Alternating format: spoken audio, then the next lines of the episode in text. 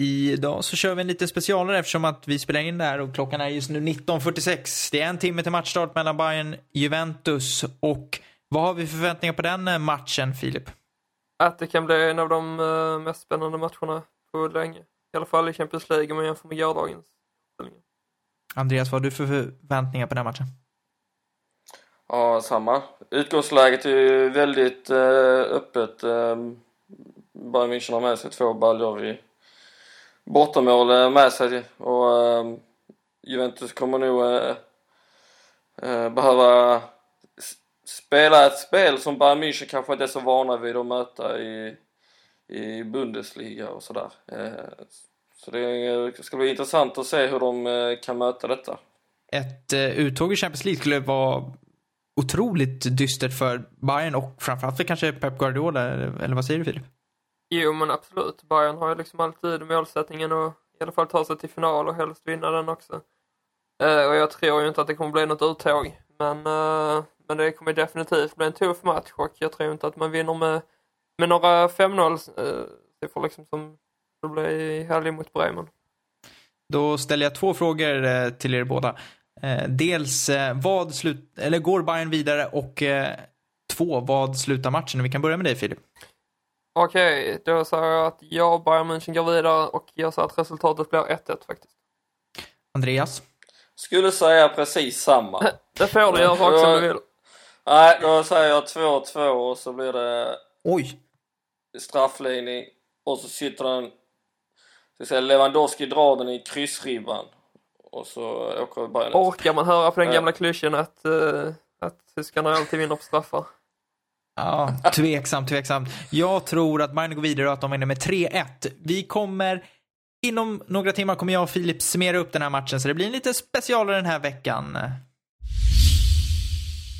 Yes, då sitter vi här eh, efter eh, Bayern München Juventus som har eh, varit minst sagt en, en intensiv match med, med många ansikten, eller vad säger du Filip? Det kan man väl lugnt säga. Det är svårt att riktigt säga vad det var som hände egentligen. Nej, det, verkligen. Det var alltså den inledningen med det stora misstaget, det som inte får ske, sker direkt. Exakt, så där tror man ju att, att Bayern ändå ska komma, komma igång och, och börja spela sitt spel och, och få till en kvittering, men så blir det ju inte. Nej men alltså jag, det var verkligen så här, jag kunde inte, jag kunde inte ens vara arg. Det var, det handlade bara om, det var liksom den här suck Mm. Ska, det, ska, det vara, ska det vara så här igen liksom? Uh, ja, men precis. Och det, det kändes som att, och när 2-0 kom, vilket var ett otroligt fint fotbollsmål, då, då börjar ju Barca och Real-vibbarna komma. Tänker man att nu, framförallt Real-vibbarna, nu kommer det rinna iväg. Ja, vi var ju fyra stycken som satt och såg matchen och alla var ju rörande överens om att, uh, om att när 2-0 kom så var det slutet liksom. Samtidigt hade man hela tiden i, i baktankarna att om det är något lag som kan greja detta så är det ju Bayern. Det roliga är att så tänkte inte jag. Inte det? Nej, jag kände vid 2-0 så kände jag att det här, det kändes så jäkla uppgivet. Ah. Eh, måste jag säga. För att jag tyckte att det såg så otroligt uddlöst ut. Ja, man känner inte alls igen Bayern. Definitivt inte.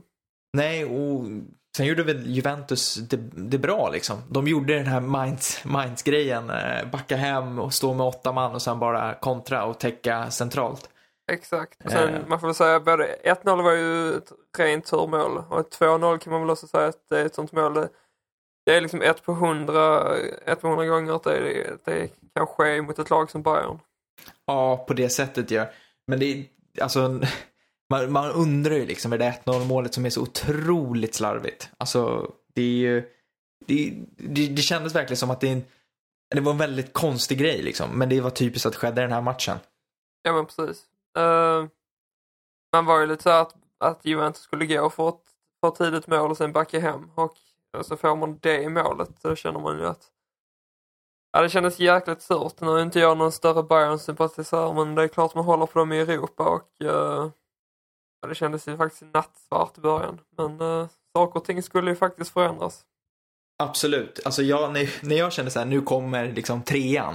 För att ja. det, det, det kändes som att den, den hängde i luften. Eh, I alla fall i första halvlek. I andra halvlek så kändes det som att Bayern hade kontroll på det. Men jag kände liksom aldrig att Bayern skulle reducera för jag tyckte att istället för att göra den här liksom klassiska att man ändå försöker jobba så blev Bayern otroligt snabbt stressad och började ta sådana här konstiga avslut och liksom jobbade inte in bollen överhuvudtaget utan det var Vidal som försökte några skott från 30 meter och, och det ena och det andra liksom. Precis, det var, det var, alltså det var inte förrän i slutet av matchen man började känna igen Bayern igen. Det var ju en fruktansvärt uddlös insats kan jag tycka. Alltså den som stod ut för mig är ju Douglas Costa i Bayern. Ja. Det är han, han vänder ju matchen på egen hand mer eller mindre. Precis. Sen kan man ju fråga sig liksom hur Pep hade tänkt med uppställningen från början. Alltså det lag som han skickade in på banan var ju Ja, jag vet inte. Det, det, var ju, det känns helt fel. Alonso kändes precis så där gammal som han kändes förra året eh, mot Barcelona. Det känns som att det går så sakta helt plötsligt. Ja. Eh, dominant i Bundesliga men liksom när det kommer till de här matcherna så det går det, det hänger han inte med liksom. Nej, det var inte mycket som stämde då och ändå så, så slutade det som det gjorde. Ja, hur kände du? Var du liksom inställd på att de skulle klara det här? För att när, när klockan tickade där mot slutet så, nej. Det är faktiskt ganska kul för då gjorde de ju ett, två de reducerade och man kände att nu har ju Bayern liksom ändå psykologiskt övertag för ett mål till och det är förlängning. Och det roliga var att precis i samma anfall som 2-2 kom så sa jag att jag har, jag vet inte varför men jag har en känsla av att Bayern kommer att göra mål. Och så kom målet, 2-2. Det, alltså det som slog mig var just vid bolltappet, när det mm. sker eh, inför det andra målet, det är Evra som tappar bollen. Så kände jag nu kan det komma, för det är precis ett sånt läge som det blir mål vid. När man tappar boll i ett helt onödigt läge. Han, Evra behöver ju inte tappa bollen där. Tappar den, går ut till Koman som får in ett inlägg och vem dyker inte upp om, om Thomas Müller liksom? Ja, Lewandowski Müller all over again. Ja, och sen så, sen så känns det som att eh, Pep gör otroligt liksom vassa byten men det beror ju på att de, de är så pass dåliga innan. Alltså Thiago, Thiago kommer in och gör, gör mål i förlängningen. Koman kommer in och ändå sätter fart på sin kant. Mm. Och eh, vem var det tredje bytet nu då? Eh, det var ju Benatia som gick ut för banan. Just det, och Bernat där som kom hit. Det, var, det kändes, det vet jag inte riktigt men. Ja men, men... Benatia var ju inte stabil för fem öre i den första halvleken. Ja, men, det var väl ingen skada kan jag tänka mig utan det var väl rent Nej, men, Ja, det måste det ha varit. För att egentligen så behövs ju han. Det såg man ju verkligen här på de sista minuterna att en, en Bayern hade problem med de långa höga bollarna. Ja. Alltså de fick ju, de, det är inte så att Juventus, de har ju chanser. De är hur nära som helst att få in en trea. Ja, men jag tänkte också på det, Neuer gör jätte, jättefina räddningar där mot slutet och det hade ju kunnat bli en mardrömsavslutning. Eh, exakt, och då hade jag varit klart mer uppjagad just nu än vad jag faktiskt är. Men eh, nej, det, de, alltså de kommer ju undan med, med blotta förskräckelsen för att använda den gamla klyschan. Mm. Nej, det är en helt otrolig match. Ja, det är en otrolig utveckling på matchen. Alltså, det är nog få, jag, jag sa 3-1 inför matchen, men då tänkte jag att Bayern leder med 3-0 eh, och att man kanske släpper in ett mål mot slutet när man är lite trötta. Det här var ju, ja, det, det var oväntat får man säga. Ja, jag tänkte ju 1-1. Jag tänkte att det är en ganska så pigg öppning och sen så stängs matchen allt mer liksom. Uh, att Bayern nöjer sig med det resultatet och Juventus kommer ha problem liksom, på Allianz Arena och inte få till det så mycket. Men uh, istället satte Juventus all fart från början och ja, det, det är otroligt att Bayern lyckas vända och vinna. För, förstå vad den här, om Bayern hade torska, vad Guardiola hade hamnat i för situation. Ja, Ja, han hade ju fått så fruktansvärt mycket skit. Frågan är om han ens hade fått avsluta säsongen. Jag tänkte faktiskt också på det.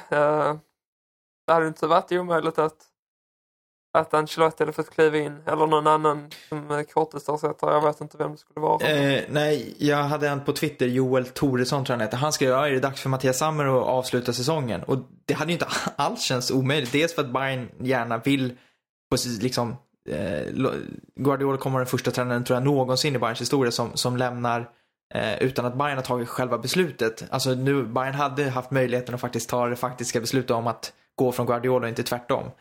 Eh, så att nej, eh, det, var, det, hade ju, det hade ju blivit otroligt mycket liksom, skriverier med tanke på hur Guardiola, hur pressad han har varit och hur uttågen i Champions League tidigare sett ut och det här var på väg att bli en återupp, äh, återigen en upprepning liksom. Ja, och redan i åttondelsfinalen, det var så något jag satt och tänkte på. Nu är Juventus kanske en av de tuffaste lottningar man kunde få, men att åka ut i åttondelsfinal som Bayern, det, är liksom, det får inte ske. Nej, det är ju semifinal i minimum som Thomas Müller sa liksom. Precis. Det är vad folk förväntar sig.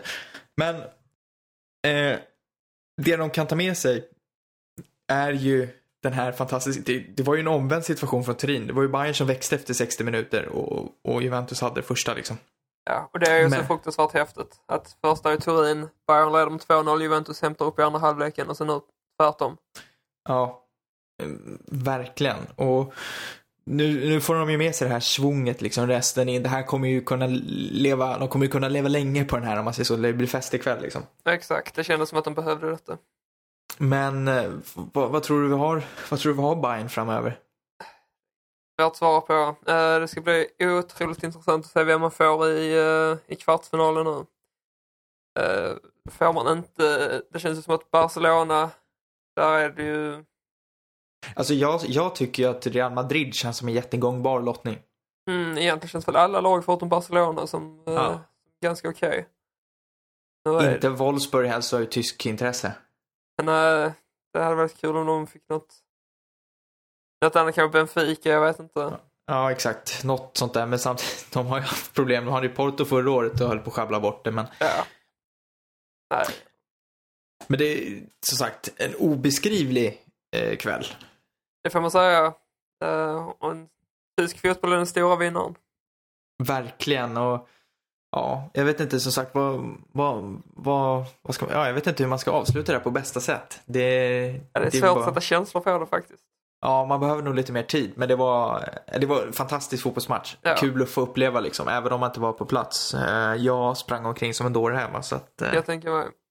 Som sagt, jag har inga sådana stora känslor för Bayern direkt, men uh, tysk fotboll överlag är jag ju en stor beundrare över. Så det är klart att man gläds med detta. Eh, Det gick ju från att, som många twittrar om, liksom, från att det var gravstenar som skulle vara på rubriken till att det kommer vara kung Pep liksom, eller Ja, vad man nu... Jag tyckte Kate, vår kära medlem som inte är med i det här avsnittet, gjorde väldigt bra ifrån sig på Twitter denna kväll. Ja, hon var högst aktiv och eh, stort cred till Niklas Jarlind också som träffade in att det skulle sluta 4-2 när det stod 2-0 till Ja, det Juventus. är starkt. Ja, den är stark. Den är stark. Eh, nej, det blir oerhört intressant att se. Jag tror rubrikerna imorgon kommer ju vara idel positiva trots att insatsen i sig inte var felfri. Nej men det tror jag. Alltså, alltså bara det här att man vänder, vänder ett sån här eh, underläge, en och två mål mot, mot Juventus som är, som är i defensiven liksom. Och sen så i förlängningen så väktar man med två mål. Och det är ju två väldigt snygga mål också. Oh ja. Alltså jag tycker Thiagos mål är ju en... Alltså egentligen så är ju alla mål ju rätt liksom. Det är rätt bra fotbollsmål liksom. Mm. Eh, men ja, jag vet inte. Som sagt, det, känslan är... Det, idag i alla fall så saknades det ett riktigt rivjärn. En Effenberg på mitten liksom som hade haft attityden nog. För det känns lite som att när Bayern väl ligger, de, de mentalt kan tappa otroligt snabbt alltså. Ja, nej men definitivt. Det, det var som sagt, det var, inte, det var ju ingen bra insats från Bayern egentligen. Utan det var ju, det var ju med lite tur man lyckades vända. Sen i andra, eller i, rätt sagt i förlängningen så, så kan man visa framfötterna liksom. Och det är väl mycket psykologiskt övertag just att man har vänt och man går in och, och får in det här 3-2 målet. Och sen så är det lite turligt att Koman går helt på egen hand och, och sätta in fyran också. Ja, när det kommer två sådana där smällar inom lopp, vad vad var det? Två, tre minuter mellan Lewandowski och Kom, nej, eh, Thiago och Komans mål va? Nej men precis, det var ju snabba mål. Och dessutom så liksom Juventus var tre minuter från att ta sig vidare. Exakt, de gav ju verkligen inte upp i heller trots att de var där under med två bollar utan de körde på. Och det, vore det inte för Neuer, hade inte Neuer stått i mål så är frågan om det inte hade blivit i alla fall ett mål. Inte omöjligt. Neuer, han gjorde upp för det misstag de, han och Alaba gjorde i början och gjorde en fantastisk förlängning. Och som sagt, all cred till Juventus. De saknade trots allt också en 3-4 startspelare. Det ska man komma ihåg. Eh, visserligen så saknar Bayern tre mittbackar och eh, någon till saknar de också. Robben, exakt. Och Robben hade behövts idag. Sen får man väl säga, det var något som vi också diskuterar flitigt här hemma att, att en, en Robben där hade gjort stor skillnad. Att de det här 2-2 målet. Ja, för även om Ribéry gör det bra så han är inte tillbaka till den liksom, Ribéry han en gång var. Eh, och Costa är inte lika målfarlig. Nej, jag, Costa gjorde som du säger en bra insats men man hade väl ändå förväntat sig lite mer i uh, just där avslutslägena från hans sida. Minst sagt, eh, lottning på fredag. Ska vi se några avslutande ord innan den riktiga podden så att säga tar vid? Ja, lottning på fredag och eh, vem hoppas man då på att Bayern ska få? Och Wolfsburg vill säga. Ja, drömlottningen heter väl Benfica va? För Wolfsburg ja. Ja, för Wolfsburg. Om man ska tänka så så är ju Mm. Benfica för Wolfsburg. Sen så skulle jag... eh, Alltså jag, jag har svårt att se att Real Madrid ska gå särskilt långt. Eh, med tanke på vad de visade upp mot Roma så... Så... Exakt. Det, det hade varit fruktansvärt intressant med Manchester City. Det hade varit jätteintressant. Och eh, Agüero gick ut idag och sa att det sista de vill ha är Barcelona och Bayern München. Men det säger ju sig alla. Men Ja, precis. Jag Eh. tänkte mycket på Pep Guardiola alltså. ja, nej, men exakt. Det hade ju blivit en, en, en, en ytterst intressant match. Alltså på en... På väldigt många plan. Ja. Eh, men som sagt, Benfica för Wolfsburg vore ju, vore ju kanon, för då har ju Mm. Wolfsburg en chans. Känslan är att Wolfsburg och Benfica är de två svagaste lagen som är kvar. Men exakt, det är ju egentligen bara Benfica som Wolfsburg har en chans på på pappret i alla fall. Ja. Eh, och sen så är det, ja, ja, något av Madrid-lagen kanske för Bayern München. Inte, ja. PSG och Barca känns som de två tuffaste just nu i alla fall. Exakt, det får man väl säga. Nej men Real Madrid eh, eller Atletico Madrid känns väl också som att det är, det är gångbart liksom. Även om Ja. det inte är på något sätt är, är några säkra kort överhuvudtaget. Som alltid lättare att välja ut eh, lagen man inte vill ha än de man faktiskt eh, Precis, vill ha. precis. Då lämnar vi över till, den, till originalpodden som drar igång efter vignetten.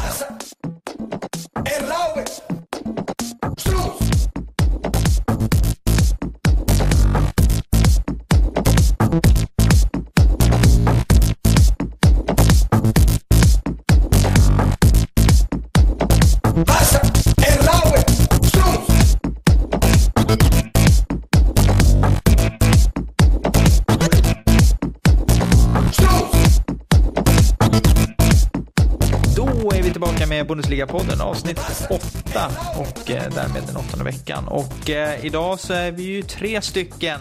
Och eh, dels har vi en Andreas Holm som fick se några riktigt unika scener på Westfalenstadion i helgen. Det stämmer. Jag är tillbaka med min rätta dialekt. Det, det kan man minst sagt säga. Och en annan dialekt som kanske inte är superenkel att höra alla gånger, det är ju den som vi hör ner från Hamburg där en viss Filip Wolin sitter. Ja, tack för den. Ja, vi brukar ju, Men vi eh, brukar man får ju ta det skämta för om vad det. Vi, vi brukar ju skämta om det i alla fall, ungefär. Så. Två Ingen mot en idag. Två mot Exakt, en. det här är en, eh, en dialektal podd och där jag står för den tråkigaste dialekten. För det får man ändå säga att stockholmskan är. Absolut. Ja, ganska exotiskt. Precis. Som en ananas. Så kan man absolut se det. Vi har ju haft en oerhört eh, spännande omgång bakom oss som började under fredagen då Hertha Berlin tog emot Schalke och Hertha fortsätter ju att imponera. De vann med 2-0 och eh, Ja, vi har ju sagt det förut, men vi säger det igen. Det ser ut som att Hertha går mot Europaspel och eh, Andreas, för ett år sedan slog ju Hertha ja, mer eller mindre i bottenstriden. Eh, inte, de var aldrig riktigt djupt inrotade i det, men de var, de var hela tiden nära. Vad skulle du ha säga, vad skulle du säga har varit en, liksom, har skett under det här senaste året eh, i Hertha? Eh, det stora som har skällt är väl eh, Pal Dardai får man väl säga. Han har ju fått en hel säsong här och, och gå igenom och, eh, eh och Hata har ju liksom fått mycket beröm för sitt eh, defensiva spel och inte, och det är väl det lite de, de har levt på eh, den här säsongen och sen så har ju spelare som Kalou då visat sig vara eh, hitta formen här den här säsongen då, inte minst här i vår då. Så att det är väl de, de sådär delarna jag kan säga. Filip, är du överraskad över Herthas säsong? Ja, vem är inte det? Det är ju helt otroligt. Eh, som du sa, förra säsongen var de ju ändå ganska nära på att trilla ut och nu helt plötsligt är man trea i ligan och man, om man bara fortsätter tugga på, nu blir det ju för ett torsk mot HSV, men annars så, så har det sett fantastiskt bra ut och, och det mesta talar väl för att man åtminstone tar en Europa League-plats i slutändan. Vi eh, som kanske såg samma möte förra säsongen kanske har ett minne av att det var en viss Leroy Sané. Det var nästan så att han slog igenom då. Han gjorde ett fantastiskt mål på bortaplan mot Hertha. Eh, den här matchen inledde han på bänken om jag inte är ute och cyklar. Och, eh, han har ju suttit där de senaste matcherna. Vad, vad tror du det beror på att han har suttit på bänken, den här Sané, som har ryktats i alla storklubbar i Europa den senaste tiden? Andreas? Uh, nej men det är väl helt enkelt uh, att han inte riktigt har uh, kunnat hålla uppe den eh, nivån han visade där under den perioden där han hyllades om och om igen liksom. Eh, det är väl det som är, är grunden. Han gjorde väl en eller två matcher som, som inte riktigt nådde upp till den klassen. Sen så har ju andra spelare eh, kommit in och, och gjort bra ifrån sig. Får vi se här nu då när det gick lite trögt mot, mot Hertha då om han kan få en ny chans här i nästa match. Filip, uh, skulle du säga att Sané är mogen för att gå till en klubb i den dignitet som det ryktas om, det vill säga Manchester City eller Barcelona? Nej, det är väl det här ett bevis på att han inte är. Det, han hade ju en fantastisk höst och slog igenom dunder och brak och fick vara med i landslaget och alltihopa. Sen har han väl tagit sig vatten över huvudet. Det är lätt att göra det när man är ung och dum höll jag på att säga, men ung i alla fall. Jag tänkte bara på, på det när jag läste idag om Martin Ödegård från, från Norge som gick till Real Madrid liksom. Där många nu liksom börjar klanka ner på honom liksom att han eh, har gått till en storklubb och så i tidig ålder liksom inte fått någon, någon speltid och det är väl eh, lite det som är risken med alla spelare som precis som Sané då som slår igenom när de är väldigt, väldigt unga också är det ju snabbt klubbar framme som vill locka över dem då. Men då tar de också 20 stycken som är lika bra liksom och då är det inte Eh, alla som lyckas, lika, kanske lika, rättare sagt, eh, väldigt få av dem som når hela vägen. Liksom. Ja. Nej, jag tycker han ska bli kvar i Schalke i alla fall, minst en säsong till så att han får komma in i det på riktigt och bevisa att han verkligen är så bra som, uh, som han stundtals har varit. För, för nu i vår så har han ju inte lyckats uh, lyckats överträffa de förväntningar som har, som har varit på honom. Och vi får väl helt enkelt se var Leroy Sané tar vägen. Just nu så är han fastklistrad på bänken i Schalke så att steget till de stora klubbarna känns väldigt långt borta.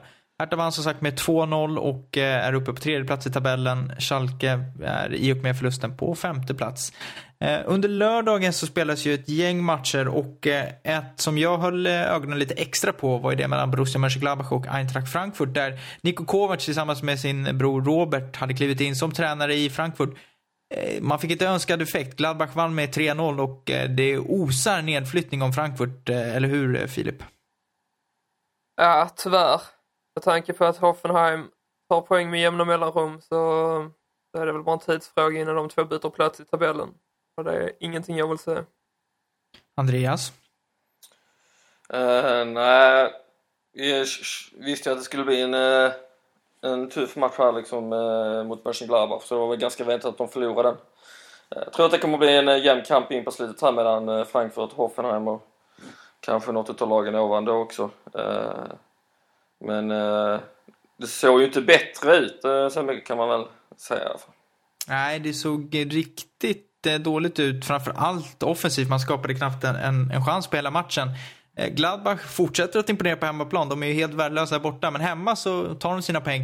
Kliver nu upp på fjärde plats eh, i tabellen och där eh, luktar det istället som att Champions League eller Europa League ligger nära till hans. Vi har pratat om det tidigare, men var, var kommer vi se Gladbach i slutet av säsongen? Blir det Europaspel? Vad tror du Filip? Uh, nej, men det tror jag. Han har ju varit ganska ojämn och det, den usla starten har ju inte bäddat för, för den här säsongen för deras del och uh, men, men nu har man ändå en fjärde plats, man har stor chans på tredjeplatsen och jag har svårt att säga att man skulle gå miste om en Europa League-plats i alla fall. Jag tror faktiskt att det blir Champions League-plats i slutändan. Andreas? Uh, jag håller fast vid mitt tips att Mönchengladbach och Schalke uh, slutar tre av fyra. Så, uh, trots att Hertha nu gick och vann här i fredagens eh, match. Det sved lite i min, i, i min egen eh, tro. Men som sagt har jag inte alltid någon succé med mina tips. Men eh, jag tror absolut att Mönchengladbach tar en, om inte direkt på Champions League så kvalplats. Filip nämnde det tidigare att Hoffenheim fortsätter att gå bra. I helgen så vann man med 1-0 mot Wolfsburg och klev upp på samma poäng som Eintracht Frankfurt som har kvalplatsen ner till Zweite Bundesliga och eh, Julian Nagelsmann, han har väckt Hoffenheim till liv, eh, eller hur Andreas? Absolut, eh, det får man ju säga. Han har ju gjort det riktigt bra trots plattfallet här då. Men eh, fick en, en drömstart på den här matchen med tidigt mål och eh, Hoffenheim vet vi kan backa hem liksom och tajta till det här så att och Wolfsburg blev frustrerat och ett riktigt humörlag. Så det var lite matchen, den lite föll eh, Nagelsmann i händerna tror jag. Det blev riktigt bra för honoms del. Och för Wolfsburgs del så börjar det bli riktigt kämpigt om de där Europaplatserna. Tre poäng upp till Mainz nu som har den sista Europa League-platsen, men då har man eh, till exempel Leverkusen framför sig också som, som jagar Europa. Eh, Filip, eh, är det så att eh, fjolårstvåan inte ens kommer ut till Europa till hösten? Fast de är ju kvar i Champions League och där uh, kommer de ju gå för titeln. Nej, men uh, det lär väl inte ske. Men jag vet faktiskt inte. Champions League känns ju inte rimligt just nu. Uh, det är just skadorna som har ställt till det rätt mycket om jag får säga mitt.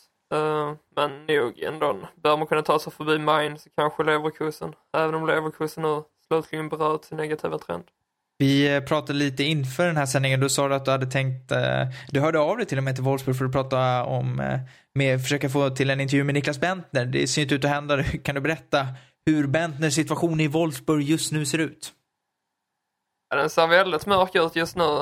Han har varit petad de senaste matcherna och inte ens varit med i truppen och trots att det inte har funnits spelare som har kunnat fylla, de har inte ens fyllt bänken eller, eller bänken i, i ett flertal matcher så har han ännu inte tagit en plats.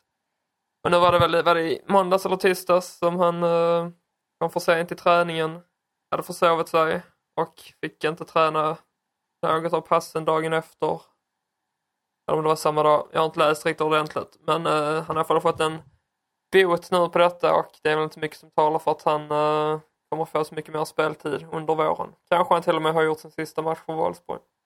Minns ni vad Dieter Hecking sa när Niklas Bentner värvades in till Wolfsburg förresten? Ja, att det var ett experiment. Ja, jag, jag minns eh, ett eh, väldigt bra uttalande som var att eh, de hade kollat på den översta hyllan men inte hittat någon Ja. och just då hade de fått kolla lite på de lägre hyllorna och där hade de hittat en kontraktslös Niklas Bentner vid, vid tillfället. Så att eh, det bådade ju inte gott eh, från början direkt. Eh, som sagt, eh, Wolfsburg förlorade mot Hoffenheim och Hoffenheim börjar klättra i tabellbotten. Eh, det blir en intressant kamp där nere. Två lag som inte har särskilt mycket med botten att göra men eh, utan är placerade i mitten av det hela. Det är Ingolstadt och Stuttgart och där var det målkalas. Eh, matchen slutade 3-3. Det var en riktig målfest och så mycket mål har aldrig gjorts på Ingolstads arena i, under Bundesliga-tiden och den är inte särskilt lång. Det, de har ju bara varit i Bundesliga under den här säsongen. Eh, en annan match som slutade oavgjort, det var den mellan Darmstadt och Augsburg. Slutade 2-2 då hade Darmstadt ledningen med 2-0, men Augsburg vände på det där. Eh, Och inför den matchen så var det dessutom väldigt fina scener när Darmstadt eh, och Augsburg-fansen hyllade en, eh, en Darmstadt-supporter som gått bort på grund av hjärntumör som hade följt med laget och eh, i Darmstadt säger man att utan, jag tror han heter Jonny, och utan honom så hade man aldrig nått Bundesliga säger man. Han, han var en stor profil bland supportrarna i, i Darmstadt. Fina scener därifrån. På kvällen ska jag säga, eh, i, på lördagen, så var det ju möte mellan Bayern München och Bremen. Uppladdning inför Champions League och eh, Bayern imponerade och vann med eh, 5-0 mot ett Bremen som knappt tog sig över eh, planhalvan och eh, ja, man får ändå imponeras av Bayerns förmåga att vinna de här matcherna rätt så enkelt, eller hur Andreas? Jo, det kan man bli. Det var ju visserligen Bremen. Nu kom de in med ganska bra eh, form i och för sig, men kollar man på, på startelvorna samt eh, Bayern Münchens historia mot Bremen plus det faktum att de har hemmamatch så eh, tyckte jag var ganska väntat att de skulle vinna den här matchen eh, stort. Eh, det är väl egentligen det. Jaha, ja. Jag avslutar där, mitt i meningen som man Eh, kan göra. Filip, eh, som Hamburg-supporter är det rätt skönt att se Bremen tvålas till sådär va? Ja, fast man vet ju själv hur det är så, eh, och dessutom är det nästan de dubbla siffrorna. Men, eh, men det är inte mycket ma- ma- annat man kan förvänta sig när man kommer till Allianz Arena så Eh, I den här matchen tyckte jag dock det var trist vi aldrig fick se Pizarro spela. Det hade varit kul, men uh, det är det ju inte. Eh, framförallt så var det ju Thiago som verkligen imponerade med sin insats. Eh, det, han verkar ha hittat storformen här inför eh, avslutningen av säsongen. På lördagen så var det ju två högst intressanta matcher speciellt eftersom Andreas och Filip är. Eh, först eh, var det ju 15-30 matchen mellan Leverkusen och Hamburg som slutade 1-0 till Leverkusen efter ett självmål av Albin Ekdal. Otroligt olyckligt får man ändå säga, eller hur Filip? Ja, det var en mardrömsmatch. Jag tyckte Hamburg gjorde det väldigt bra, hade de hetaste chanserna ändå. Men Bernd Leno var ju fruktansvärt bra, tog allt som kom ens väg. Och Leverkusen hade ju också några chanser, eh, men men egentligen inga riktigt sådär superheta. Det kändes ju som att Hamburg var det starkare laget. Ja, faktiskt. Och sen så blev det liksom, men man känner ju redan när, när det målet kom då Ekdal känner man att detta kommer ju säkert avgöra matchen och mycket riktigt blev det ju så. Ja, och sen så då efteråt så får man reda på att Dirmic är borta säsongen ut så ja, det var ingen kul match.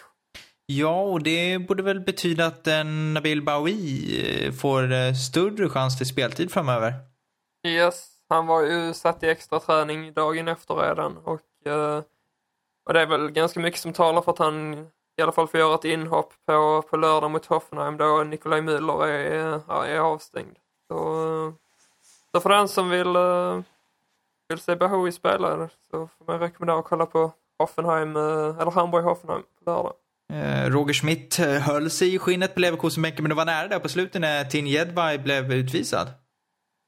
Ja men det skulle han ju ha. Alltså Jedvai då. Ja, ja nej, men det var en given utvisning, men man såg, det, det tände till i Schmidt, men han höll sig i skinnet alltså, men det var... Ja, får ni lugna ner sig. Han ska, han ska ju tacka Leno att han har kvar jobbet får man säga. Ja, som sagt, Hamburg hade ju makalöst mycket lägen och fanns, det var ju Rud, Rudnevs versus Leno hela matchen. Ja, och tyvärr så gick ju Leno vinnande av den striden. Men eh, det var ju välförtjänt får man säga med tanke på de fina räddningarna han gjorde. Eh, absolut. Eh, helgen avslutades med matchen mellan Dortmund och Mainz som på förhand eh, kändes som en av de absolut eh, mer intressanta matcherna. Men den matchen kantades ju av allt annat än, eller ja, handlade om allt annat än fotboll i efterhand, eller hur Andreas? Ja absolut, eh, stämningen dog ju efter eh, 60 minuter när inte bara en utan två stycken eh, supportrar på läktaren drabbades av hjärtinfarkt. Och den, när det då kom till kännedom att den ena faktiskt hade dött mer eller mindre på plats så, så avslutade båda supportergrupperna sina sånger och flaggviftningar och, och sådär. Så det var tyst egentligen eh, fram till den 87 minuten eh, sen när hela arenan stämde upp i You'll Never Walk Alone då, som är en allt, som alltid sjungs inför matcherna på, eh, i Dortmund bland annat då. Och, eh, men nu även då som en eh, hyllning eller vad man ska säga till om den bortgångne. Den andra personen överlevde vad jag har förstått. Ja, det var, hans läge stabiliserades snabbt. Eh, det var ju väldigt mycket prat efter matchen. Eh, det handlade uteslutande om just det här och den olustiga tystnad som, som uppstod efter att eh, eh beskedet kommit fram. Och man får ju verkligen imponeras av att det blev verkligen knäpptyst på arenan.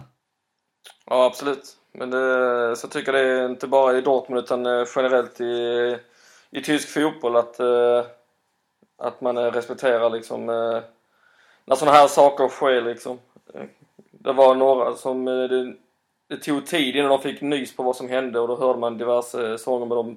Då visslades de ut ganska fort och till sist så kom det informationen upp på, på storbilds-tv också då.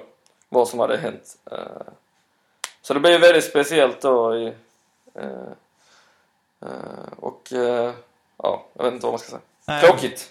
Verkligen. Och Mats Hummels sa ju efter matchen att han, han eh, fick eh, vibbar av det som skedde i, i Frankrike under terrordåden där när, när han spelade med tyska landslaget.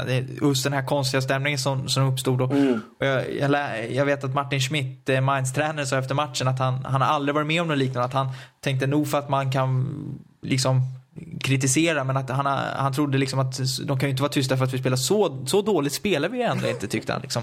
Nej. men sen så hade alla fått reda på det det måste man ändå säga att det var, det var fina scener och framförallt skulle jag säga när, när de stämde upp efter match och man, alla Dortmund-spelare stod uppradade mot den gula väggen och eh, det var mycket tårar. Ja, det absolut. Eh, alltså, man behöver inte känna personen liksom eh, eh, när man har eh, en gemensam nämnare som Dortmund liksom. Och, eh, det händer ju, det är inte första gången det här händer på Westfalenstad. Det är ändå en arena som tar eh, drygt 80 000 liksom. Och, eh, men, eh, ja. Det är lika speciellt varje gång. Eh, Filip, hur tyckte du, vad tyckte du om det här och hur tyckte du att man hanterade situationen? Nej, men vad ska man säga? Det är jättefint att, att det finns så stor respekt eh, för supportrarna. Man har ju annars sett väldigt mycket att det finns en hel del mindre, vad ska man säga, begåvade individer innan det kommer till fotbollsläktaren emellanåt. Och det är så här utan att få för mycket skit, men alla har varit med om det, herregud, på utanför läktaren. Uh, det var fint att alla satt samman och, och hedrade den avlidne. Dortmund Mainz slutade alltså 2-0 och avslutade helgens Bundesliga-spel. Mitro, mitro. O Valderod, o trapattoni.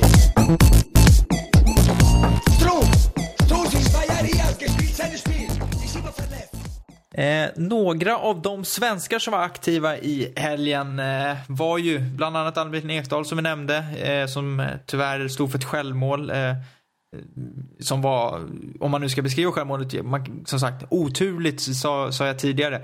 Alltså, det- Dråpligt. ja, det, det är otroligt att den träffar hans knä och får den, det är ju en båge som är helt omöjlig för Adler att ta. Jag vet inte hur man ska beskriva det. Och sen stolpe in på det. Liksom. Ja. Vad snyggt! ja, det får man väl säga. Alltså det, det är ju, hade det varit medvetet, och det, det, alltså, jag tror inte du kan göra det medvetet i liksom, motståndarmålet. Det, det, det är så... Den touchar ju precis det, typ, det touchar på hans benskydd. sett. Ja, och tar liksom... Äh, det, blir- det, om man inte har sett det så försök hitta det, för det, det ser väldigt underligt ut, hela situationen. Eh, men Albin spelade i alla fall eh, hela matchen om jag inte är ute och cyklar och eh, det gjorde inte Nabil eh, Baoui. Nej, men som sagt, det lär han få göra på, eller inte hela matchen på lördag, men han lär i alla fall få speltid, det tror jag. Eh, Det uttalade svensklaget sedan tidigare, Mönchengladbach, hade varken Oskar Wendt som är skadad, fortsatt skadad, jag vet inte när han kommer tillbaka, vet ni det? Nej, han det blev var inte väl- uttagen i landslaget och det beror väl säkert på skadan. Så. Eh, Så att han var inte med och Branimir Gota som har åtminstone gjort inhopp, eh, han var inte ens med i, på bänken. Så att han är uppsatt på läktaren så vi får se vad som sker eh, när hans kontrakt går ut. Det har ju ryktats om Hamburg som jag pratade om tidigare. En annan som var uppsatt på läktaren det var Pierre Bengtsson som har fortsatt tungt i Mainz, har inte spelat på länge. Men han har ju också, läste jag idag, att han var tillbaka i full träning i alla fall. Så att Jaha. han kommer kanske, tveksamt där när hans ersättare eller vad man nu ska säga, hans konkurrent har gjort det bra ifrån sig liksom. eh. Men eh, vad jag förstått så är han i alla fall eh, snart spelklar igen. Eh, konkurrenten med det fantastiska namnet Bussman. Bussen. Eh.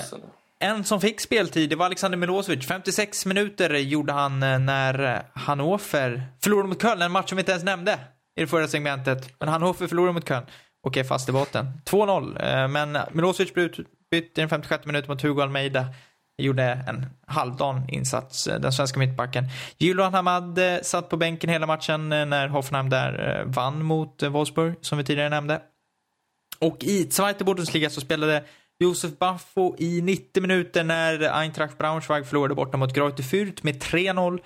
Och Emil Forsberg spelade 90 minuter när eh, hans eh, Red Bull Leipzig, som de inte heter, Rasenball Sport Leipzig, som de vill att man ska säga, vann med 2-1 mot 1860 München. Och Christi Josef, vår spelare i Dritteliga, satt på bänken i 90 minuter Hansa Rostock slog Wien Wiesbaden med 4-0. Det, det finns en del svenskar i, i Tyskland, det är kul. Absolut. Jättekul. Och förhoppningsvis blir det fler till nästa säsong. Vilka tänker du på då? Jag vet inte, men det finns väl en hel del namn som skulle kunna vara kapabla att komma in till Bundesliga. Zlatan. Zla- Zlatan till Bayern München och Carlo Ah. Ancelotti. Det hade ju varit någonting. Men eh, hade man velat det? Jag eh, är är spänd på att se var Ludvig Augustinsson hamnar. Han var ju väldigt attraktiv för Köln här i vintras och det blev inget. Men eh, han borde väl kunna dyka upp på ett antal klubbars agenda. Och han känns lite Bundesliga-material faktiskt. Mm, verkligen. Vi behöver ju fler svenska vänsterbackar i, eh, i Bundesliga. Ja, det stämmer. Eh, Ja, men sånt som Lewicki hade man till exempel också velat se. det där, vi kan ta två, tre minuter om det. Det här ryktet om att Lewicki skulle till Hamburg kändes väldigt placerat, eller hur? Ja, jag vet inte var det dök upp ifrån. Jag har inte hört någonting konkret om det egentligen. Eh, Eh, Jag vet inte vilken tidning det var. Eh, Det var någon från södra Sverige. Jag kan inte, kommer inte ihåg vem det var. Men som nämnde att Hamburg, det var här var ju alltså i, under januarifönstret att Hamburg hade kollat på Lewicki och att man hade liksom konkret förfrågan på honom. Allt jag kunde ta reda på eh, från de jag kände nere i Tyskland och sådär, det, var, det, fanns liksom, det fanns ingen info om att han överhuvudtaget skulle ha varit på Hamburgs önskelista. alltså, det, är, det är Hamburg vi pratar om. alltså det skulle inte förvåna mig om han bara är intresserad av honom. Men eh, för det första så lär han kosta en rejäl slant efter hans U21-EM och jag vet inte hur långt kontrakten har med Malmö men det känns väl som att det är ganska långt med tanke på att han bara varit där i två säsonger. Uh, nej, ja, det, det kommer inte ske liksom. Men eh, det hade varit en bra och kul värvning. Han är ju trots allt fostrad i Bayern så han, tyska kan han ju så att steget är inte jättelångt för att han skulle komma tillbaka. Eh, I Bayerns ungdomslag finns för övrigt en svensk också, Thomas Isherwood som lämnade BP i höstas tror jag för att gå till Bayern. Har ingen riktig koll på hur det går för honom. Där ska jag säga.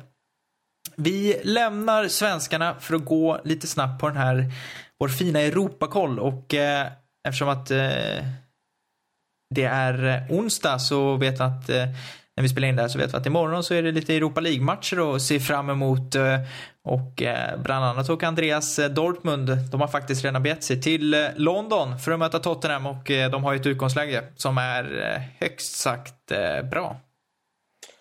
Ja, det ska ju inte eh, vara några konstigheter. Det räcker ju med ett mål eh, i, i London där för, och så behöver Tottenham eh, göra fem så att det kommer... Det överläget känns väldigt bekvämt faktiskt. Jag är inte alls orolig för att de ska falla igenom där. De tar nog högst seriöst på det. För det är ju fortfarande ett väldigt bra lag man möter. Eh, som sagt, Dortmund har med sig 3-0 från, från mötet med Tottenham på hemmaplan. Eh, vi pratade lite om det innan vi satte igång här och är Liverpool en dröm eller en mardrömslottning skulle du säga Andreas? Det är en drömlottning men i en final. Filip? Eh, nej, men jag säger samma som Andreas då. Om man, nu lag. om man nu lottas i finalen, jag vet Men nej, eh, nej, men ett, eh, det hade varit ett trevligt möte i finalen. Två klassiska klubbar och så finns det ju lite extra krydda med tanke på vem som tränar Liverpool. samtidigt är det väl så att ska det bli riktigt speciellt så vill man väl ha Klopp till Westfalenstadion och det får man ju inte i en final. Men eh, ja, ta semifinal då. då Eh, jag skulle kunna säga att eh, det, det kan vara en drömlottning för det skulle möjligtvis kunna betyda att vi kan spela in en, en podd där vi alla är tillsammans i samma rum, från Dortmund. ja, eller inne på arenan. in, inne på arenan. Klockan 20.30 på kvällen. Ja. Många gäster blir det då också. Eh, vi, eh, ja verkligen. Som sagt, vi förväntar oss att Dortmund går vidare och förhoppningsvis gör Liverpool också. Så får vi väl prata om hur den lottningen ser ut. Lottningen är ju på fredag. Eh, det andra tyska laget som eh, spelar i Europa League är ju Leverkusen eh, och eh, de kommer med underläge 2-0 från bortamötet med Villarreal och Villarreal är ju tillsammans med Dortmund sedda som de kanske två favoriterna någonstans till, till ett hem i Europa League. Eh, vad tror du om Lev- Leverkusens chanser att kunna vända det här underläget, Filip? Uh, nu har de ju som sagt hemmaplan på torsdag så det är någonting som gynnar och så kommer man stärkta från uh, segern mot Hamburg även om man inte lyckades göra mål där och imponerade väl egentligen aldrig riktigt. Men eh, nej, det ska väl mycket till för att man ska ta sig vidare nu. Så jag ger dem inte så goda chanser faktiskt. Andreas? Nej, jag tror det är kört. Kort och koncist, det gillar vi. Vi tror att Dortmund går vidare, Leverkusen åker ut eh, och det känns väl rimligt med tanke på vilka eh, resultat vi hade från eh, veck- eh, förra veckans matcher. Jag tänkte att vi skulle ta upp en eh, liten punkt eh, där vi går igenom eh, Eh, vad Panini, det vill säga de som gör de här alberna inför de stora mästerskapen, vilken trupp de eh, tror att Jogi Löw kommer att eh, ta med sig till EM i sommar i Frankrike. Ett EM som Tyskland är en av de absoluta favoriterna till att vinna. Jag vill höra era tankar på vad ni tror om möjligheten att Panini faktiskt har rätt. Om vi kollar igenom den trupp som Panini har tagit ut för Tyskland till så har vi mål Manuel Neuer och Marc-André Ter Stegen. Ingen tredje målvakt, eh, men det känns väl ändå rimligt att Neuer och Ter Stegen ska med. Ja, Ja. sen står det väl mellan Leno och, eh, och Lövs favorit Siler där bakom som tredje alternativ. Kevin Trapp tänker jag. Ja, just det, Trapp. Herregud. Ja. Trapp kan man, kan man i Sverige ha mycket kul med, med att Men eh, det skulle fan mig inte förvåna mig om det blir eh, Silo och? Weidenfeld Ja. bak, bakom Neuer. Det Weidenfeller. skulle, alltså det skulle inte förvåna. Om, om Dortmund tar sig långt i Europa League så tror jag att Weidenfeller skulle kunna komma med bara för att han, man ser det som en sorts erfarenhet från sådana typer av matcher. Ja, ja, Men han kan ju inte peta Trapp, herregud. Jo, det kan han. Kanske en eh, falsk, falska trapp. Lägg av. Jag orkar inte. Eh, I backlinjen så har de tagit ut, och det är inte många spelare där, eh, Boateng, Hummels, Hector, Ginter och Dorm. Mm. Intressant. Ginter känns ju given med tanke på att han kan spela lite varstans. Eh, även om inte han är den bästa av dem allihopa så, uh, så är det ju jättenyttig truppspelare att ha med. Do- Ja, Dorm känns väl inte så given ändå? Nej, Nej, vem jag ska det vara istället? Nu, nu ska jag säga att jag gillar vad, vad har visat här under våren, men det, han har ju ändå varit borta och varit skadad under hösten, alltså han har inte haft jättemycket tid på sig. Nej, visst. Nej, Ja, men det jag återstår också två månader, eller tre månader till EM nästan. Så. Eh, Kan ju bli eh, motsvarigheten till Kevin Grosskreutz. Dorm kan ju ändå spela ja, vänsterback, högerback och han spelade högerytter senast jag såg honom spela, så att han kan säkert spela vänsterytter också. Så det Ja, är... de är ju eh, liksom, liksom Ginter liksom en väldigt allround-spelare får man säga. Eh, de gör sig... Ginter tycker jag är, har gjort sig, Han är egentligen eh, mittback liksom när han kom till Dortmund men har gjort sig väldigt bra som högerback då. Sedan andra roller och eh, Durm är väl en mer skolad vänsterback tycker jag. Eh, men eh, nej. Jag har också svårt att säga att Durm ska spela ett EM. Så pass bra tycker jag inte han är ännu i alla fall. Men det är klart om man behöver någon för att täcka upp vänsterbackplatsen. Men eh, ja, det är ju i så fall om Durm ska med så eh, tycker jag väl att eh, Schmelzer eh, står och knackar på dörren också liksom. Så är det nog. På mittfältet, eller det centrala mittfältet, så har vi Christoph Kramer, Ilka Gündogan, Bastian Schweinsteiger och Toni Kroos. Och jag säger att Bastian Schweinsteiger kom med i form av att han är lagkapten, inte för att han har presterat särskilt mycket, han har varit mycket skadad. Men Christoph Kramer känns som ett frågetecken va? Ja, absolut. Det känns ju så mycket lever kvar från eh, förra, eh, förra säsongen och inför VM och sådär. Eh, och med tanke på att man har Kedira, Gundogan, Kroos och då Ginter som skulle kunna spela på mittfältet så känns det onödigt att ta med en Kramer istället för då till exempel Gomes eller Belarabi kan jag tycka. Eh, verkligen. Sen har vi en hel drös spelare som antingen spelar på en kant eller som falsk nia. Eh, Lukas Podolski, André Schürrle, Max Kruse, Marco Reus, Mesut Özil, Julian Draxler, Thomas Müller och Mario Götze. Eh, mm, jag vet inte, Podolski, ska han verkligen vara med i en EM-trupp? nej, bara eller ett jo det vill jag nog. Okej, Eh, pratar vi sportsligt så nej. Men eh, fan alltså. han säger... Går det, går, går det att genomföra ett mästerskap utan Podolski liksom? Tveksamt. Och han sägs ju vara en otrolig stämningshöjare. Ja, precis. Men eh, vad fan, ska Götze med där alltså? Götze och Max Kruse känns tveksamma i min värld. Även André Schürrle är inte given. Ja, men ska Kruse med, ska Podolski med och då ska ju även Gomes med kan jag tycka. Så det är, nej, Kruse ska åka i så fall. Kruse som haft sina bekymmer nu när han, när han ja, to- torskade sina 75 000 euro i en taxi i Berlin en, en, en morgon. Man I, tröstar sig med Nutella. Ja, det är jobbigt att heta Max Kruse. Eh, Och sådana historier brukar faktiskt Jogi Löw inte gilla så att, eh, det är väl inte helt säkert att han kom med. Om man nu bara ska kolla den start, startelva Panini tror att Tyskland kommer att ställa upp med. Den ser ut som följer. Neuer i mål, känns rimligt. En backlinje som står av Ginter, Boateng, Hummels, Hector. Ja, Ja, mittlåset är spikat i alla fall. Andreas, är du med på det? Eh, absolut. Eh, centralt eh, defensivt mittfältare, måste jag säga. Kroos, Schweinsteiger. Rimligt, va? Ja, I Lööfs ögon så. Ja, precis. Exakt, om man tänker ur, ur Lööfs ögon. Eh, den offensiva trean, Götze, Özil, Royce. Den känns också ganska given. Frågetecken är på Götze som sagt, men uh, överlag. Den som Ja. var helt okej. Ja. Och vem saknar vi då på topp? Eh, den fantastiska Müller, Müller.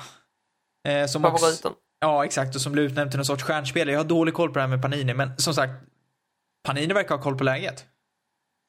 Ja, men Ja, det lär väl bli Kanske, liknande det. Var det, det är, ju, är ju lite så också. Löv är ju inte känd för att rotera om sådär jättemycket heller i sina, sina trupper. Man blir nästan chockad varje gång det är eh, ett, ett nytt namn eller han, han vänder om liksom. Men eh, ska man utgå från den här truppen så känns det som att det än en gång blir ett, ett lag utan någon direkt anfallare så att säga. Inför eh, VM 2014 skulle man ju försöka fylla den rollen med Pierre Michel Asogga, minns jag. Det gick inte så bra. Nej, det gick inte så bra. Men fasiken vad bra han var den säsongen. Absolut. Då hade man dock också en, eh, då hade man också möjligheten att välja en Kiesling i, i hyfsad form. Eh, Att han inte är med i den här truppen kan jag köpa desto mer. Då. Jag sa bara Alexander Meyer. Var är han? Var, ah, skadad just nu faktiskt. Ja, det. Ja. Men allvarligt talat så uh, Mario Gomez förtjänar verkligen en plats. Med tanke på Ja, vad ändå- gått från honom i Turkiet. Så det är ju konstigt faktiskt om man väljer att ta med ja, till exempel en Kramer eller en Kruse och inte Mario Men Gomez. samtidigt tycker jag att det är dags att ge Kevin Folland lite space i landslaget nu alltså. Mm, fast den här säsongen har väl inte varit hans bästa säsong heller. Men Podolski då? Nej, men vem kollar på turkisk fotboll egentligen? Ja, det finns nog många. Inte minst i Tyskland. Nej, eller hur? Det är Men, sant. eh, Men nej, nej, men jag, jag tycker vet verkligen- inte. Det är jättesvårt det där. Det är så sjukt många bra spelare.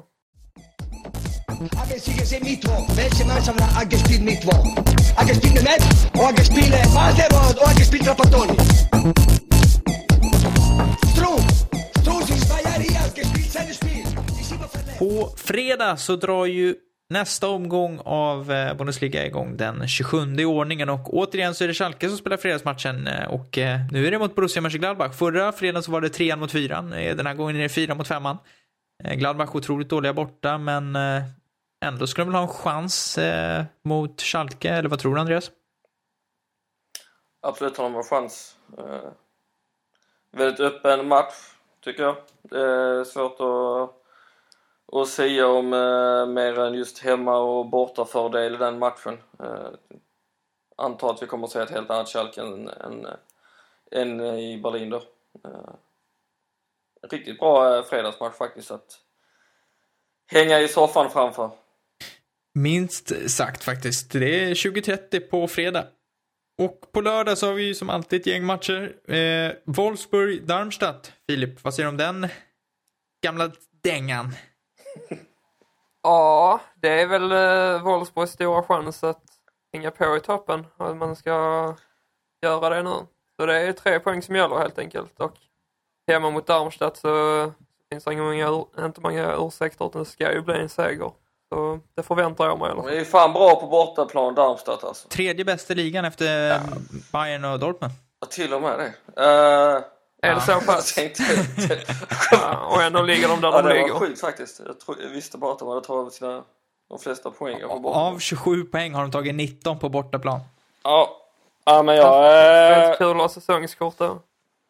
ja, det blir ju riktigt krisstämpel på Wolfsburg om Darmstadt skulle gå och eh, vinna den här matchen. Eh, Sen så har ju inte direkt eh, Wolfsburg... Eh, har inte direkt stabiliserats här utav eh, allt om eh, Kruse då och, och eh, rykten hit och dit så... Eh, eh, ja. Wolfsburg måste ju vinna den här matchen för att ha en eh, fot med i Europakampen. Champions League tycker jag nog redan är kört liksom. Att gå till Champions League alltså. Um, ja, det är spännande. det blir det verkligen. Och det är ju en viktig match för båda parter. Den ena för att hänga med i Europaspel och den andra för att distansera sig lite från bottenstriden. Eh, förra helgen eh, så mötte ju Bremen Bayern och Mainz Dortmund och nu möter Bremen och Mainz varandra. Bremen tar emot Mainz på hemmaplan och eh, Andreas, eh, det känns som att eh, Mainz kommer att eh, vinna den matchen va? Ja, kanske. Ehm, Nej, det tycker du inte alls med andra ord. Du höll inte med mig om det. Eh, inte att de kommer vinna det enkelt. Jag tror inte det faktiskt. Jag eh, vill inte egentligen så här prata så mycket om matchen i söndags rent spelmässigt. Det känns kanske inte schysst liksom. Men det man såg var inte direkt eh, eh, jättebra. Eh, då möter de i sig Dortmund och Bremen kommer från en Ja, vad ska man säga? Det är väl en träningsmatch för dem nästan på liksom att möta Bayern München. Det känns som att eh, eh, det blir mest till att stå på hälarna och försvara sig. Eh, Med tanke på hur det såg ut i matcherna dessförinnan så tror jag ändå att Bremen har någonting eh, positivt på gång här. Och, med publiken i ryggen så, samt att de är vä väldigt desperata för poäng så tror jag att de faktiskt kan ge Mainz en rätt bra eh, match här. Filip, ditt Hamburg har ju hemmamatch mot Hoffenheim och eh, ja, det, du brukar ju inte hålla det så positivt men här får man ändå säga att Hamburg ändå eh, har något sorts favoritskap, eller hur? Ja men det är ju ett jobbigt möte och en jobbig motståndare. Uh, torskar man 5-1 mot Stuttgart och sen slår man Wolfsburg i matchen efter med 1-0 liksom. Uh, ja. Hoffenheim är ju faktiskt ligans sämsta bortalag. Så må det vara och Hamburg är ligans ojämnaste lag så då. Nej jag vet inte men uh, Hamburg saknar ju då till exempel Dermic och Müller som är skadade respektive avstängd. Och det är ju tunga avbräck även om Dermic mest har suttit på bänken de senaste matcherna. Men uh, jag skulle nog säga ett kryss faktiskt. Känns ju inte helt omöjligt där. 1-1. Ja, Bayern München åker till Köln för att möta Getebockarna. Andreas, eh, vad tror du om Kölns chanser mot Bayern? Noll. Nej, det behöver inte vara mer än så. Nej, Bayern, som sagt, många kanske tror att de kommer slappna av, men de vet ju att de har Dortmund hack och att de inte får, får tappa. Så att eh, chanserna är nog rätt små för att Köln ska få med, med sig något och deras form har inte varit sådär fantastisk även om Mm. de vann mot Hannover. Eh, och Filip brukar ha för vana att få de här riktiga skitmatcherna. Den är inte jättedålig, men Hertha Ingolstadt, det är ju ingen kioskvältare. Inte direkt. Jag hade hellre tagit den som kommer efter i så fall. Men, eh, men vad ska man säga? Hertha bör ju ta detta. Uh, Ingolstadt är ju fruktansvärt tråkigt att möta. Och Hertha var lite... 0-0. Ja, men jag ska precis säga det är ju, det är ju defensiven mot defensiven liksom. Uh, 1-0 Vedad Isevic kanske. Eller tre nya poäng till Hertha. 1-1 trots allt. 1-1 Leskano kanske. Om, om det finns tre lag, skulle jag säga, i Bundesliga som man ska fundera på att spela underspel på, så är det Köln, Hertha och Ingolstadt. För där vet man att det är inte målrika tillställningar. Nej, för, fast om man nu väl gör det så blir det sån här 3-3 match som Ingolstadt spelade senast. Så eh, jag vet inte. Jag ska försöka agera tipsexpert på Football United och det går ju sådär kan jag säga. För det är ju... Det blir ju aldrig som det är tänkt. Bundesliga är ju för fruktansvärt ologiskt. Nej, det får man minst sagt säga. Jag, jag lyckas dra in några tips. Bland annat att Köln skulle ha under 1,5 någon match och sådär. Och till rätt hyggliga odds. Men jag är, sån här, jag är sopig på att spela för jag går alltid på att det ska vara så höga odds som möjligt. Men det är inte det det handlar om. Det handlar om att hitta de bra spelen. Det jag får vara mest stolt över är nog att jag eh, satte Hannovers seger mot eh, Stuttgart. För det var det inte mycket som talade för.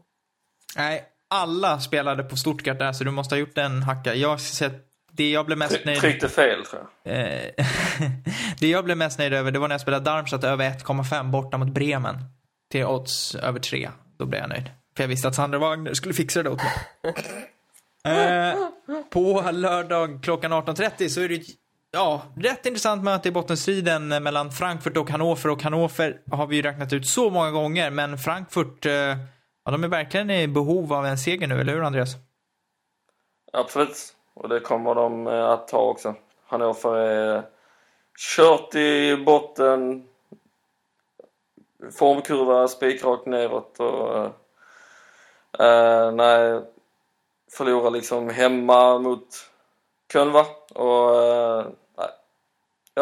Frankfurt kommer vilja ha de poängen så mycket mer så att jag är rätt övertygad om att de kommer vinna och eh, känslan av att det kan bli eh, både 2 och 3-0 kanske. Filip? Ja, men jag tror väl att det är kört för Hannover och Frankfurt lär väl ta detta. Och... Eh, nej men det tror jag. Jag skulle säga utan att vara ett dugg ironisk nu så det är ju en drömmatch att se på plats. Så jag hade kunnat ta det nästan vad som helst för att få vara på plats. Eintracht Frankfurt, Hannover. Faktiskt. Alltså Ja. jag tror det, det är en sån här 6-2 match liksom och jag har ju någon dragning till Frankfurt faktiskt. Ja, men om vi, om vi liksom ska se det rent krasst så är det vi har ju sagt att Hannover mer eller mindre uträknade. Det här är ju sista chansen för dem att faktiskt... Nej, Nej, det Nej, finns den, den ingen... har redan varit. Den har redan varit. Men vinner de så är det bara, kan det bara vara fyra poäng. Jo, men kolla, Alltså- alltså, vad är det? Två segrar på de senaste 15 matcherna och sånt. så möter de Nürnberg i ett kval sen och så är det kört. Ja, det, de börjar ju närma sig statistik, eh, negativ statistik som är sämre än Tasmania Berlin som har alla jävla negativa rekord du kan hitta i Bundesliga. Eh, så att nej, det, det ser inte jättebra ut för Men jag Hannover. menar, har man, har man en landslagsmålvakt mellan stolparna och ändå ligger sist på 17 poäng så är det ju någonting som inte stämmer. Eh, Ja, det, han måste ju ha blivit matchens lirare x antal gånger för Hannover den här säsongen. Typ alla Och det är det som är gånger. så sorgligt. Verkligen. Eh, det, det säger rätt mycket om ett lag. Det är lite som att Mattias Hugosson alltid var Gävles bästa spelare när han spelade. Exakt. Så nej, det är kört för Hannover. Det är tråkigt för det är ju en, det är ju ändå en klassisk klubb som har en fin arena som uh, har fina band till HSV så ja. Är Ja, jag, vet, jag vet inte om jag håller med om det, men eh, Vad är det De har behöver, de, de behöver...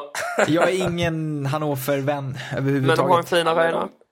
Ja, de är Tysklands kallaste arena. Nej, möjligtvis att uh, Hamburgs uh, Volksparkstadion är lite kallare, Ja, men det är så jävla kallt. Men eh, De behöver ladda om i... Hannover behöver ladda om i andra ligan alltså. Eh, känns som att man har väntat på det här, att det skulle hända att de åker ner. Fast det, det roliga är att kollar man statistiken då till exempel förra säsongen när de då var nära att åka ut också. Det var ju fram till vinteruppehållet så hade man ju häng på Europaplatserna och sen bara rasade man och sen lyckades man ta poäng i de fyra sen, sista matcherna. Så Eh, det har ändå- det har ju ändå gått fort ut för. Allt tack vare att Lars Tindel försvann. Ja, Ja, lite så är det kanske. Jag måste bara fylla i med Hamburgs äh, Folkparkstadion, arenan där, är att det är också den största teasern någonsin. För att när du väl kommer med S-bahn eh, ut dit så tror du att du är rätt nära arenan och sen så går det liksom en evighet innan du kommer fram till arenan för du går det helt, du går liksom i fel riktning känns det som hela tiden. det är väl en kilometer eller vad det är? Och det känns fruktansvärt långt. Ja, jag han är från Stockholm. Han är från Stockholm, Filip. Ja, men det, det är sant. för att vägen tar av. Nej, den är hemsk. Tycker jag. jag tycker det är en fruktansvärt, det är en fin arena men jag, tycker, jag, jag har svårt för den. Ja, alltså. Okej, ja. Det är nu som Andreas säger, du är från Stockholm. Ja. Ska man... Det enda, man går det är för, för att gå längre bort på plattformen till Ja, men för att man ska behöva gå så långt. Men du vet, där är faktiskt bussar som uh, kör från... Det är för lata människor. Ja, Och du får, man får aldrig plats på dem. För det är alltid så mycket folk. Framförallt om man ska därifrån. jag är det människa som är fall. Ja, vi, vi släpper den eh, diskussionen och går på söndagens matcher. Och först ut så har vi Stuttgart-Leverkusen och eh, ja, Stuttgart eh, levererar ju med jämna mellanrum. Kommer de göra det även i den här matchen, Filip? Ja, det blir 5-5. Det är ju liksom upplagt. Tippa över 8,5 mål. Ja, Det, Leverkusen fortsätter att vara i behov av segrar om Roger Schmidt ska behålla jobbet. så är det ju. Eh, speciellt nu när de åker ut Europa, Europa League imorgon, vilket de väntas göra. Så uh, nog är man i behov av seger alltid. Men Stuttgart är ju också ett lurigt gäng. Uh, minst sagt. Så. Jättesvår match att tippa den också. Jag säger väl ändå att Stuttgart är något av favoriter. Men, eh, men ja, jag vet inte. Det kan sluta hur som helst som sagt. Allt, älskar helgarderingarna. Nej, det kan sluta hur som helst. Eh, Ja, Eh, det är ju, det är ju, det- så är det det är ju sant. Ofta. Sant. försöker ju gå in på spåret men det är ju omöjligt för det är, alltså om man tänker efter Stuttgart, Leverkusen, ja. Det kan ju verkligen sluta hur som helst. Antingen så blir det ju en sån här överkörning från något av lagen eller så blir det ju en 5-5 match. Eh, eller 0-0. ja, Nej, det, det skulle inte nej blir förvåna. det 0-0. Kan Blir det, det- Ja, det kan bli 0-0 fan. Ja, det kan det. Det kan bli vad Faktiskt. som helst. kan, kan det bli vad som helst i Augsburg-Dortmund också, Andreas? Eh, nej, det kan inte bli 0-0 där. Eh, faktiskt. Det kan jag säga. Ehm, gillar inte att möta Augsburg på bortaplan alltså. Det känns alltid jobbigt att åka dit på något sätt men Fast ni vinner alltid där. Jo, precis. Vi, vi krossade dem hemma i höstas också, minns jag, med Aubameyangs hattrick och ja, 5-1 tror jag att det blev. Och, uh, nu kommer Royce uh, med bra form, han har verkligen steppat upp på sistone och uh, Dortmunds offensiv känns faktiskt just nu uh, bättre än på, ja, sen på hela våren egentligen kanske. Uh, Nu, nu jag, vet eh, man ju att Royce kommer skada sig i Europa League bara för att du säger sådär. Ja, eller att Dortmund kommer att förlora med 7-0 liksom. Men... Eh, ja, det kommer i alla fall bli mål och jag tror inte att Augsburgs eh, försvar kommer att kunna hålla ihop det i 90 minuter faktiskt. Nej, det har sett skakigt ut där, så att eh, stor, det känns som att Dortmund kan hänga ett par baljer. Innan vi lämnar er så tänkte jag att vi ska bara uppdatera om var ni kan hitta oss på sociala medier. Filip, Yes, det är Twitter som gäller och det är volym men nolla istället för O. Andreas Snabel Andy Holm. och mig hittar ni på snabel AT Nilsson och eh, vill ni av er direkt till podden så är det Bundesligapodden at gmail.com. Eh, vi hörs igen eh, nästa vecka.